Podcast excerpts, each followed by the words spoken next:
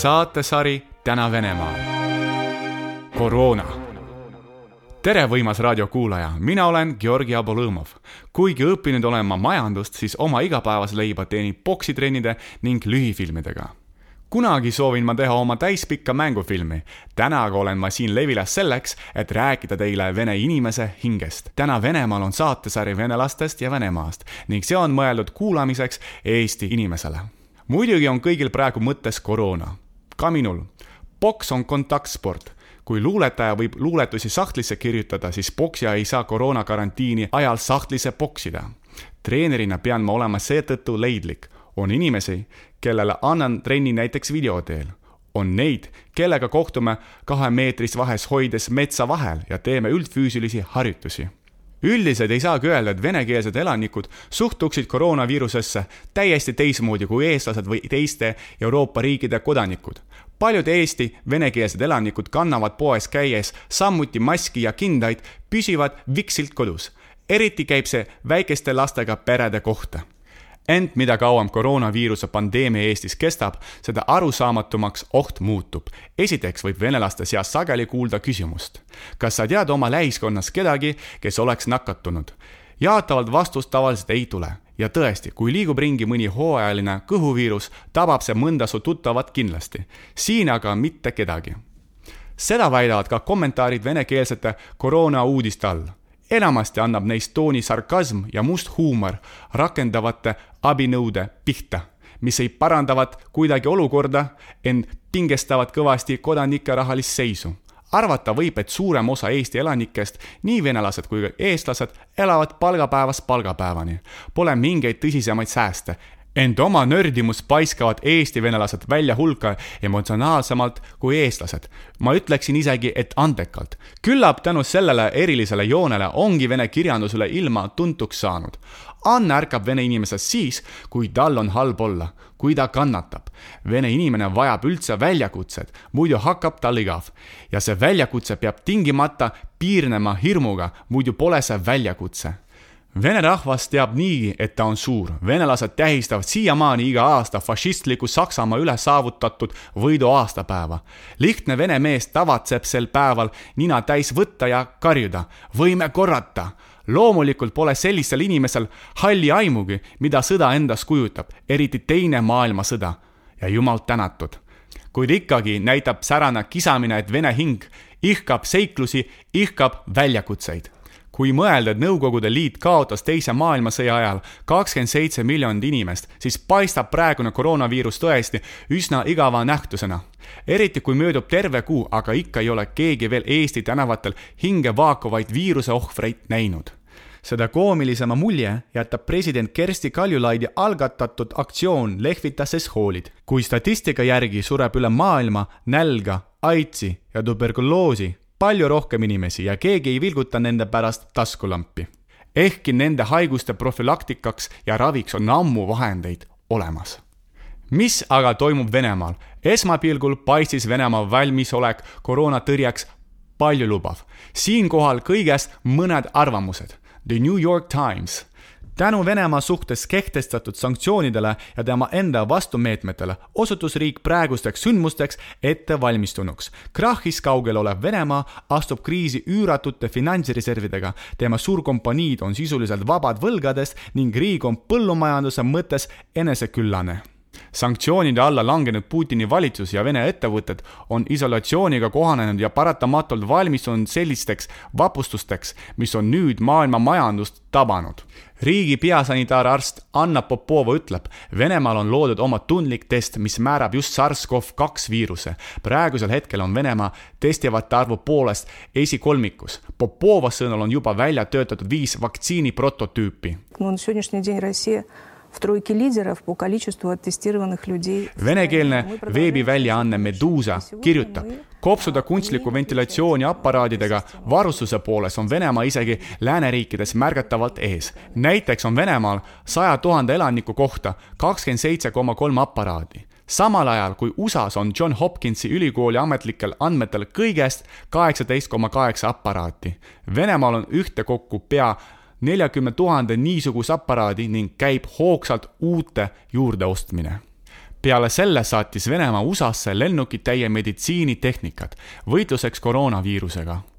üldse on Venemaalt tuntud selle poolest, et ta on võimalusel alati valmis demonstreerima enda suurem meelsust ja pakkuma rahvusvahelisel poliitilisel areenil toetust, osutades abi kord ühele, kord teisele hätta sattavale riigile, unustades pahatihti aidata omaenda kodanikke. Venemaal endal ei ole aga asjad sugugi kõige paremas korras. Kui hakkasid tulema esimesed uudised Covid-19-st, ei pööranud Venemaa nagu ka muu maailm sellele kuigivõrd tähelepanu. paljud spetsialistid rahustasid, et koroonaviirus ei ole hullem kui tavaline gripp, ent varsti muutus kõik alustame sellest, et iga Venemaa kodaniku suhtes, kes on naasnud välismaalt ja rikub kohustuslikku neljateistpäevast karantiini, võidakse alustada kriminaalmenetlust peale selle tahab Moskva linnavalitsus käivitada mobiiliäppi, mis QR-koodi kasutades jälitab koroonaviirusesse nakatunuid. Neile, kellel ei ole nutitelefoni, on Moskva võimud valmis andma vastava rakendusega mobiili. Äpiga tutvunud Telegram kanalite autorid annavad teada, et see nõuab ligipääsu geolokatsioonile, kaamerale, mälule ja kõnedele, samuti võimaldab näha mis tahes andmeid. Kuid kõige huvitavam on seejuures, et isikute tuvastamiseks kasutatakse Eestis asuvat serverit Identix One. Moskva linnavalitsus nimetab seda väljamõeldiseks samal ajal Vladimir Putin ei kiirusta Venemaal eriolukorras sõna välja ütlema, ehkki uude viirusesse on juba nakatunud tuhanded inimesed. näiteks Kasahstanis kehtestati eriolukord pärast seda, kui haigestunud oli kaheksa koroonaviirusesse nakatunut. Ungaris piisas sellise otsuse tegemiseks neljast haigestunust. miks siis president viivitab? arvatakse, et karmid taudivastased meetmed võivad presidendi niigi kehva reitingut veelgi õõnestada olgu öeldud, et see on praegusel hetkel nii madal, et seda lihtsalt ei avaldata. seepärast kehtestas Putin alustuseks töövaba nädala, seejärel pikendas seda aprilli lõpuni presidendi säärane otsus tekitas Venemaa ettevõtlusringkondades arusaadavalt paksu pahameelt. kui ma helistasin oma Moskva sõbrale, siis tema sõnul on valitsuse poolt küll antud käsk pangadele anda ettevõtetele intressita laenu, et nad saaksid palka maksta töövaba kuu eest, kuid see on ka kõik, mida valitsus teeb no aplaatšivaid, eta, e- e- eta nii... palka töövaba kuu jooksul peab ikkagi maksma tööandja, mitte riik. nagu ma saan aru, jah võim rääkis küll midagi kompensatsioonidest, aga siiamaani on see jäänud vaid jutuks. ma saan aru, et ametlikult pole keegi eriolukorda välja kuulutanud. ei, nad ei tee seda, kuna selle kehtestamine tooks riigile suure rahalise kahjumi. Nad teevad praegu ükskõik mida, et mitte kellelegi mitte midagi maksta. Nad isegi üritavad seda olukorda lahendada jälle kodanike arvelt, kes maksavad makse ning mõtlesid välja juba uue maksu töövaba vaheaeg sai uue nimetuse, eneseisolatsioon. tegelikult väldivad Venemaa võimud üldse sõna karantiin kasutamist, jällegi presidendi madala reitingu pärast. ning tuleb öelda, et Venemaal on eneseisolatsioonile seatud Eestis karmimad tingimused näiteks tohib kodunt lahkuda ainult siis, kui te vajate erakorralist meditsiinilist abi, peate tingimata minema apteeki või toidupoodi. samuti on lubatud koeri jalutada ja tööle sõita ainult siis, kui teil on vajalik luba ning et Venemaa elanikud ei unustaks isolatsioonis olles, et nad elavad õigeusklikus riigis, sõitis Moskva ja kogu Venemaa patriarh Kirill ümber linna Jumalaema ikooniga, mis usklikud peavad imetegevaks ja palus Jumalalt koroonapandeemiast päästmist. patriarhi sõidutas vilkuriga Mercedes, saateks mitu sõidukit, sealhulgas politseiautod. üleriigilised telekanalid tegid toimuvast otseülekande nagu Eestis läksid ka Venemaal koolid üle kaugõppe vormile, kuid lapsed, kellel pole oma arvutit või ligipääsu internetile, tõesti-tõesti, on ka selliseid, on sunnitud koolis edasi käima seeläbi on suurenenud oluliselt õpetajate koormus. kõigepealt annavad nad tunni nendele, kes istuvad kodus ning seejärel nendele, kes on kooli tulnud. kuid olgem objektiivsed, Venemaal on alati olnud kaks reaalsust, nominaalne ja tegelik. New York Timesi järeldused tuginesid Venemaa majanduse nominaalsetele näitajatele ning Venemaa peasanitaararst Anna Popova ei sattunud peamise riikliku telekanali saatesse juhuslikult kodanikke rahustama mõned Venemaa eksperdid ennustasid, et viiruse leviku kiirus saab olema sarnane sellele, mis oli Itaalias.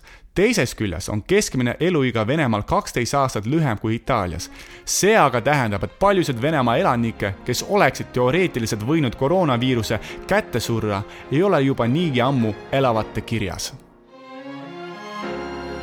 saate lõpetuseks üks äge lugu Venemaalt.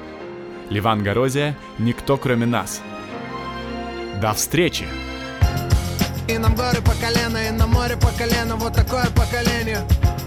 Мы давно ушли из тени, мы синоним изменений, мы здесь не ради денег. Нами движет мечта, и пускай у нас нет крыльев, мы научились летать. Мы штурмуем небеса, словно уличный десант, где окажемся мы завтра. Позитивный настрой, держим порох сухим, держим ухо востро. Знаем цену словам, мы идем до конца, и пусть ветер в лицо.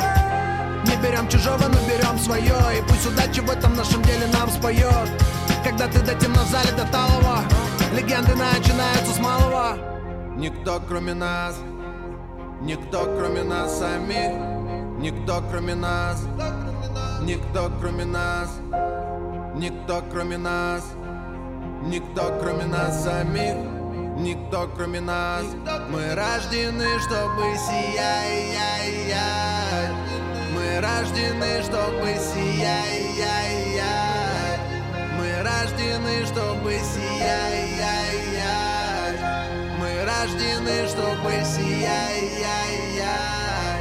Мы рождены, чтобы сиять. И нам горы по колено, и на море по колено, вот такое поколение. И пускай закрыты двери, покидаем родной берег, мама, дай благословение. Мы живем один раз, тут никто кроме нас, и весь мир на ладони. Наши силы внутри отдаем мы сейчас, нас потом будут помнить.